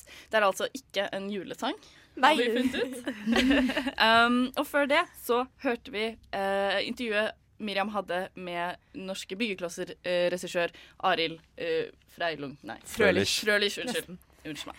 Og så har vi fått besøk i studio. Vi har fått besøk av Ann-Marie og Lisa fra eh, Et eget rom. Velkommen. Tusen takk. Hei, hei, Eh, hei. Er, dere er liksom invitert hit fordi dere er eh, feministprogrammet, på en måte. og eh, er interessert i å på en måte høre litt om hva dere syns om eh, denne tropen. Da. Hva slags forhold dere har til den. Ja. Eh, Nei, men altså, så Det første jeg tenker var jo at første gang jeg så mange av de filmene her, så hadde jeg egentlig ikke hørt om det. Visste ikke helt hva det var for noe. Så det er liksom sånn morsomt når man ser de filmene igjen og faktisk tenker over det. At man får litt sånn annet perspektiv på det. Eh, og så tenker jeg det er nyttig å reflektere litt over det og være obs på at det er noe som skjer i filmer. Eh, men at det er jo litt vanskelig av og til å, å finne det ut, på en måte. Det er ikke alle filmer som jeg var klar over at det her gjaldt, som jeg hadde sett. da. Jeg, altså, jeg, jeg fikk vite om det eh, gjennom Slutface. Eh, begynte å høre på de og hørte den Angst-låten som dere spilte tidligere i dag. Kjempekult. Mhm. eh, og bare sånn Manic Pixie Dream and so it, uh, Hæ? Liksom, skjønner du? Altså, de var, eh, så jeg, eh, dette er ikke noe som jeg har visst om før jeg hørte den låten der. Ja. Nei, nei, men jeg bare tenker altså sånn Siden det ikke er noe som du på en måte tenkte over før du hørte om definisjonen på tropen, liksom, er det fordi at du synes at det er, er, liksom, er en faktisk greie liksom utenom bare i filmen, liksom? Eh, I filmen, liksom? At det ikke bare er en trope, men at det er en realitet, på en måte? Du prøver egentlig bare å få de på laget Ja, ditt. Du, jeg nå. Sondre. Sånn prøver å få med de på det, din Ja. Definisjon. jeg fluffer dem inn til diskusjonen etterpå. Nei, altså, jeg bare Litt av det hele greien der. Jeg tror egentlig at det er vanskelig, eh, også med Manic Pixie, fordi at det ofte blir liksom kamuflert som Altså, hun er ikke bare der fordi hun på en måte skal være digg eh, og være liksom eh, fin å se på. For det er noe mer Det er ikke bare det det handler om der. Ja, altså, det er noe sånn- mer med den karakteren. da. Ikke sant? Jeg tror det som på en måte gjør det vanskelig for oss, er at vi kanskje er eh, litt sånn spesielt utsatte fordi vi er i den alderen vi er i. At disse filmene kom da vi egentlig var på en måte for unge til å reflektere noe ordentlig over eh, det, den karakteren. da, Eller at det er på en måte se at det var et problem. For litt sånn som vi nevnte tidligere, så eh, syns jeg i hvert fall ofte at disse jentene var veldig kule, og at det var sånn man skulle være for å få oppmerksomhet fra gutter. eh, og liksom greie å få seg kjæreste og sånn, da. Og så skulle man liksom være sånn og sånn, og så på det som en sånn oppskrift, på en måte. Og det kan jo være litt sånn skummelt, egentlig. Ja, For det er det som er skummelt. Det er jo, altså, det er jo litt det vi har egentlig skrevet ned i alle disse notatene våre, som er litt uoversiktlige. Men eh, Kommer forberedt. Ja, ja, ja, ja selvfølgelig. Eh, men at eh, filmer, film og populærkultur legger føringer for på en måte hvordan man vil være, hvordan man blir, eh, hvordan man oppfatter ting, og på en måte og, og hele den pakken der, da. Jeg regner med det er noe man, de fleste kanskje er enige om. Mm. Eh, altså, det er jo ikke helt svart-hvitt. Så det er ikke sånn at hvis du ser én film, så er det sånn forteller den deg hvordan du skal være for resten av livet. Men det vil jo ha en påvirkning, det er fordi at man på en måte former jo seg sjøl ut ifra de inntrykkene man får. Ja. Eh, og og det, akkurat det der du sa nå, det er liksom litt det egentlig som er essensen i hvorfor det er litt uheldig. Eller litt uheldig, hvorfor det kan være litt skummelt, da. Ja, og så vil jeg bare legge til at det går jo uh, alle veier, det her. Altså, det gir jo tanker til unge jenter, da, spesielt om hvordan de skal være, men det gir jo også tanker til gutter om Hvordan jentene skal være. Ja, hvordan Ja. jentene skal være, hva de skal forvente. da, Hva som er vanlig å forvente av et forhold, f.eks. Når man møter en ny person. Hva er, altså Den første forelskelsen. altså At det alltid skal være så jækla spennende. og sånne ting, da. En morsom uh, ting apropos det, som på en måte eh, beviser litt at det ikke er så veldig realistisk. Da, for at, uh, jeg leste at det var en vanlig ting er på en måte at den spleiser, den tropen spleiser på en måte det og forventningen om at jenta både skal være eh, uskyldig, men erfaren. At hun skal være som verdensvant, men allikevel liksom yndig og naiv på en måte. Og at det liksom ikke egentlig går overens, da. At det liksom går under det der at man skal være sånn uh, adorable, på en måte. Og det skaper jo sånn I en sånn der pakke så blir det jo liksom en hel uh, eske med gale forventninger, føler jeg, da. Veldig poetisk kan kan ikke være uskylden når du har sett verden, liksom, for vet du hvor jævlig det er, liksom. Ja, men Du skjønner litt hva jeg mener. Altså, sånn, I metaforspråket, da, som ofte blir brukt uh, som virkemiddel på, i film, og sånt, så er jo det to egentlig litt uforenlige ting. da. Men at man vil veldig gjerne at liksom, hun skal på en måte både være erfaren, men ikke for erfaren, fordi det er jo, da blir det sånn Hun skal være på en et sånn der liksom. halvveis obtainable step over han, liksom. Ja. Ja. Men samtidig liksom kunne vise ham veien både i livet og i senga, og kanskje, og liksom være sånn spennende, da. Ja, og så tenker jeg også litt av det at hun skal være så jækla glad hele tida. Ja, at hun skal alltid være optimistisk. Eh, litt sånn som dere snakka om tidligere, det der med manisk. da, At man kan jo si at det kanskje er litt det, men man skal alltid være så glad og optimistisk. Man skal ha peiling på alt, man skal alltid ha et eller annet å finne på. altså Det skal være så jækla positivt hele tida.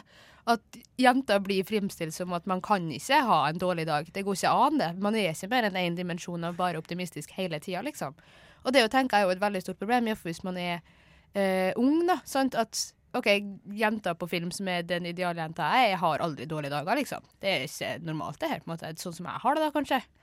Ja, og så tenker jeg sånn eh, At det blir veldig sånn derre en eh, eh, Hva heter det et, et, Skaper et bilde av jenter som er normale, og som ikke hører på The Smiths og ikke ser sånn ut eller er sånn quirky. De er bare teite og normale. Og kjedelige. Og kjedelige. innholdsløse. Og, og, Ja, ja, og det er sånn Mm. Det er et selvhat som man Nei, lærer seg gjennom de, gjennom de filmene. At man er tenker at jeg er ikke sånn som andre jenter. Jeg, jeg vil være sånn som hun, for hun er spesiell, og det er sånn som gutter liker, eller sånn gutter bør like. Og det og det å veldig ikke kjenne seg igjen i den tropen nå, kan være veldig Ja, være fælt når man er i den alderen. Å ja, jeg liker bare Britney Spears og Justin Bieber, jeg. Mm. sånn Det er ikke interessant nok. Ja, Ja, Oi, det har mm. jeg ikke tenkt på. Det var et veldig fint uh, poeng, Miriam. Uh, etter sangen nå så tenker jeg at vi skal uh, snakke mer om eh, de filmene som på en måte prøver å parodiere eh, Manic Pixie Dream Girls eh, litt. Og vi har ikke snakket så mye om det, men litt. Så det har vært litt sånn tease eh, opp til dette. Men først eh, så hører vi eh, Why med These Presidents.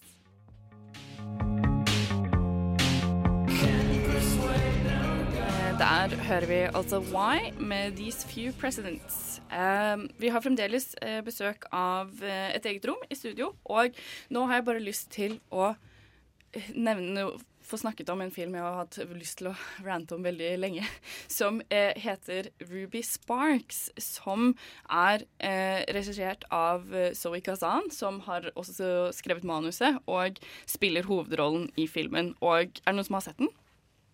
Nei. Nei. Bare meg. Okay. Den, som er egentlig ganske interessant, fordi eh, den har hun skrevet eh, Det virker ikke som at hun har skrevet det fordi, eller som en kritikk av Manic Pixie Dream Girl, men det kan jo ikke ikke være det heller, fordi den handler om eh, en eh, veldig trist eh, og smådeprimert forfatter som eh, spilt av eh, Paul Dano. Eh, og han har skrivesperre og drømmer om en jente som han møter i en park, og så skriver, begynner han å skrive en roman om henne. Og så plutselig så er, jo kjæresten, er hun kjæresten hans i, eh, i dette manuset. Da. Og så plutselig så bare dukker hun opp i huset hans og bor med han og er kjæresten hans. Og hun gjør alt han skriver på tastaturet, ender opp hun med å gjøre. Sånn at han har liksom muligheten til å faktisk konstruere sin egen Og hun er veldig Manic Pixie Dream Girl. Sånn derre hun er egentlig glad i motorsykler, hun er liksom bereist, og har ikke fu men fullførte ikke high school. Veldig sånn quirky og spesiell og har sånne kjoler eh, og den der håret og musikken og alt sånt. Og så er han kjempeasosial og ikke eh, kjæreste eller venner eller noen ting, og skaper da denne faktisk denne fantasijenta som ender opp med å bli virkelig. Jeg skulle til å si Det høres ut som en psykotisk feberdrøm, liksom. Ja, altså det er jo det som på en måte er Manic Pixie Dream Girl, fordi hennes eh, altså Zoe Kazan, som har regissert den, er liksom eh, Argumentet hennes da blir at hun er på en måte litt sånn imot Uh, hele den tropen, egentlig, fordi at ved å putte det navnet på uh, type karakterer, så fratar man den karakteren på en måte en type dybde som hun mener kanskje egentlig er der, da, hvis man ser litt, eh, litt lenger at kanskje det er en grunn til at hun oppfører seg sånn, at hun har en bakgrunn som vi kanskje bare ikke får se, som den mystiske greia, men at ved å kalle henne en Manic Pixie Dream Girl, så vil vi bare slutte å se på henne, og da, altså en karakter, da. Eh, og da blir liksom hele greia borte, på en måte. Ja, altså, jeg skjønner veldig godt hva du mener. Uh, men jeg tenker også litt at jeg sier det er kjernen av problemet med Pixie Girls. At Pixie Girls. at, eh, at de er skrevet på en sånn måte at vi som seere får ikke mulighet til å se Mm. de andre dimensjonene. At, var det ikke litt det kritikken starta også? At det Jo. var kritikk mot skrivinga? Altså at det ikke er rom i historiene for å utforske karakterene. Og da tenker jeg da er jo det kanskje en kritikk som man som skribent bør ta til seg. da. At ok, greit at det var hensikten din, men det kommer faktisk ikke inn i filmen din. Det er ingen måte her vi kan se at en person her har egne motivasjoner, egne mål. Og sånn da. Ja. Jeg tror også det hun kritiserer, er at man veldig fort kan legge det stempelet på filmer som egentlig ikke er sånn, eller på karakterer som egentlig ikke er det, fordi man tar det begrepet som noen skapte, og så, gjør, og så sier man ja, ja, men hun er en manic pixie fordi hun gjør disse tingene, selv om Hun hun, egentlig sånn ikke og er det. sånn. Sånn som for Mm. eksempel at uh, eh, Annie Hall, som ofte blir nevnt som en sånn manic pixie uh, dreamgirl på en måte film. Har dere sett den? Nei. Nei, det er Woody Allen-filmen. Og sånn, jeg kan være veldig enig i at hun på en måte virker veldig som hun er skapt for bare uh, hans på en måte utvikling. Men Fordi den så jo også på alle de listene. Ja, Ja. men, men når man ser den, så føler jeg at man får et mye større inntrykk av at hun er en ekte person, eller at hun har sine egne eh, liksom, mørke sider. Da. Hun er ikke bare alltid glad og At det er det på en måte hun tenker da, at man eh, altså så vi hva sa han, at Hvis man putter det stempelet på, eh, sånn, så frarøver man på en måte dybden til karakteren litt selv også. da. Mm. Så det er litt sånn, ja mange lag her også med den, Ja, eh, med den Manic Pixie Dream Girl det er det jeg mener med at den troppen er ikke så troppen. endimensjonal som den nødvendigvis ble Men det er det som jeg tror er til å være. problemet, er at sånn som du vil le- tillegge stempelet Manic Pixie til veldig mange filmer som har sånne karakterer. Men når du gjør det, så Så, så, Så frarøver jeg dimensjonene Ja, til så gjør du det. Fordi at det, det er det man forbinder med det begrepet. Manning Pixie Dream Girl er den ensidigheten, og det er det det egentlig skal bety. Men når folk tar det og sier at nei, nei, det er bare et karaktertrekk, man Ja, kan at det er være bare et lag. flerdimensjonell Ja, for det er jo det jeg på en måte mener, at det er bare et helt lag, ja. Ja, Mm. men du kan ikke bare bestemme det. Jeg har lov å ha en mening om det. Jeg bestemmer ingenting. Det er ikke det det er snakk om. Det, det er snakk om at jeg liksom Men du har en med- mening om at definisjonen er annerledes, på en måte, jeg mener, at jeg, kan, jeg mener at du kan utvide definisjonen. Har dere noen det. tanker? Um, jeg har egentlig ikke satt meg så dypt i definisjonsdebatten. Men uh, jeg tenker jeg er jo enig for så vidt tror jeg, med Miriam at man må passe på det der med hvem man gir det stempelet. Fordi Mm. det kan påvirke hvordan man ser en film. Hvis du på forhånd vet at OK, men her er det en Manic Pixie Dream Girl, på en måte, så kan det påvirke hvordan du ser på den karakteren, da. Ja, fordi sånn, jeg har også hørt uh, mye om at eh, Kate Winslet sin karakter i 'Eternal Sunshine of a Spotless Mind' ofte blir liksom karakterisert som en manic pixie. Men så så jeg den, og så er jeg litt sånn Men det her er jo på en måte bare hans versjon av henne. Fordi der er det jo det med at han, de sletter hverandre fra hukommelsen til hverandre og sånt. Mm. Og at hun liksom blir karakterisert som en manic pixie fordi hun har rare klær og, Og blått hår og, hår, blått hår og- skifter hår og har litt sånn rart navn og sånne ting. Men at hvis man ser litt nærmere, så kanskje ikke det egentlig er tilfellet. Og jeg syns hun er veldig godt skrevet. Hun er jo en, en, en karakter, Hun er jo en person. Hun er jo veldig deprimert, og hun er veldig sånn Hun har ting ved seg og intensjoner og interesser som er mer enn bare hans Som må være der som hans objekt, på en måte. Mm. Pluss at jeg tenker sånn veldig mye av den filmen foregår jo på en måte i hans sitt hode. Mm. Bokstavelig. på en Ja, måte. ja. Eller altså at de reiser gjennom hans sine minner og sånn når han prøver å Gjemme hindre liksom. at Mm. eh, hun ikke blir sletta og sånn. Så da må man jo være litt obs på at det her er veldig konstruert av han sjøl. Han konstruerer jo minner i den filmen og sånne ting, så det er jo ikke en representasjon av hvordan hun faktisk er. Og så syns jeg det er litt morsomt med den filmen, fordi de gjør jo litt hån på det med Panic Pixie i tillegg, ja. Fordi de poengterer det jo på et punkt, at det er litt sånn Hallo, jeg er en person som prøver å få mitt hode på plass, liksom. Ikke gi meg din dritt òg. Og jeg syns Ja. det er veldig koselig, da, for da er det sånn da er det jo en kommentar på det at OK, vet du hva, det her er meg, du må fikse din egen greie sjøl, på en måte. Og det er akkurat derfor jeg syns ikke at vi kan da tillegge den sånn som Sondre vil. Jeg kan ikke tillegge den da og si at hun er jo en Manning Pixie, men hun har mer ting ved seg. Fordi den er faktisk ja, altså, er det, jeg ikke som mener er Manning det, Pixie. det jeg mener med det, er det fordi at Hvis du tar det fra den filmen, da. At det er gjerne en sånn ting man kanskje gjør i virkeligheten, òg. at det speiler virkeligheten med at når du er down in deep shit, så vil du gjerne tillegge liksom sånne eh, Om det er jente eller gutter, altså bare sånn du vil tillegge en person eh, masse sånne sære kvaliteter som på en måte gjør at du på en måte ser et lys i dem. da Og det er det jeg mener med at det er liksom sånn At det har en mer dybde til seg enn bare at å, Herder det er en endimensjonal Ja. platt karakter.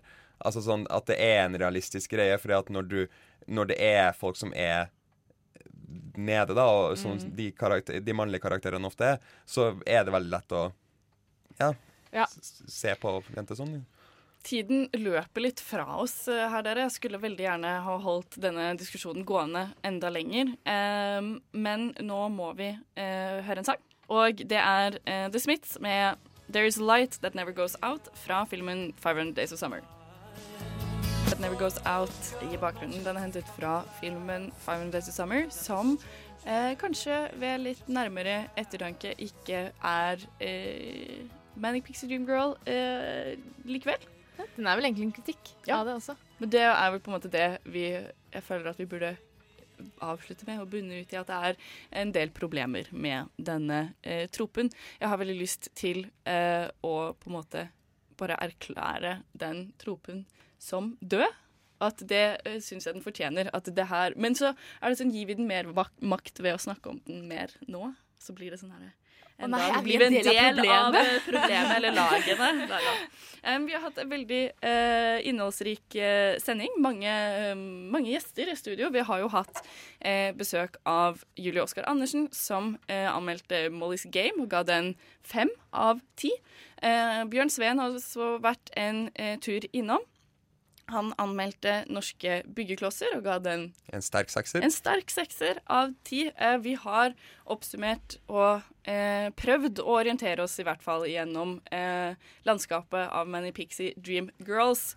Eh, bare for å opplyse og gjøre det litt eh, ja, tydeligere at det kanskje er ting man må tenke på. Vi har også hatt besøk av eh, Amarie og Lisa fra Et eget rom. Så takk til dere for at dere kom. Bare hyggelig. Veldig gøy. veldig gøy. Kjekt å bli invitert. Ja, det var veldig hyggelig. Jeg føler at vi egentlig har eh, Vi burde ha en hel sending vi, nesten sammen om, eh, Enig. om sånne ting. Og så troper i Ja. film og sånt. Oh, yes. Det er veldig potensial der, føler jeg i hvert fall. Eh, ja, det var egentlig det. Jeg heter eh, Tale Råd, og eh, mine cohosts i dag er Miriam Folland. Og Sondre Køslin. Takk for at du hørte på, og tusen takk til tekniker eh, Ulrikke Svenne. Og jeg håper vi høres igjen eh, neste torsdag. Eh, god helg. Ha det bra.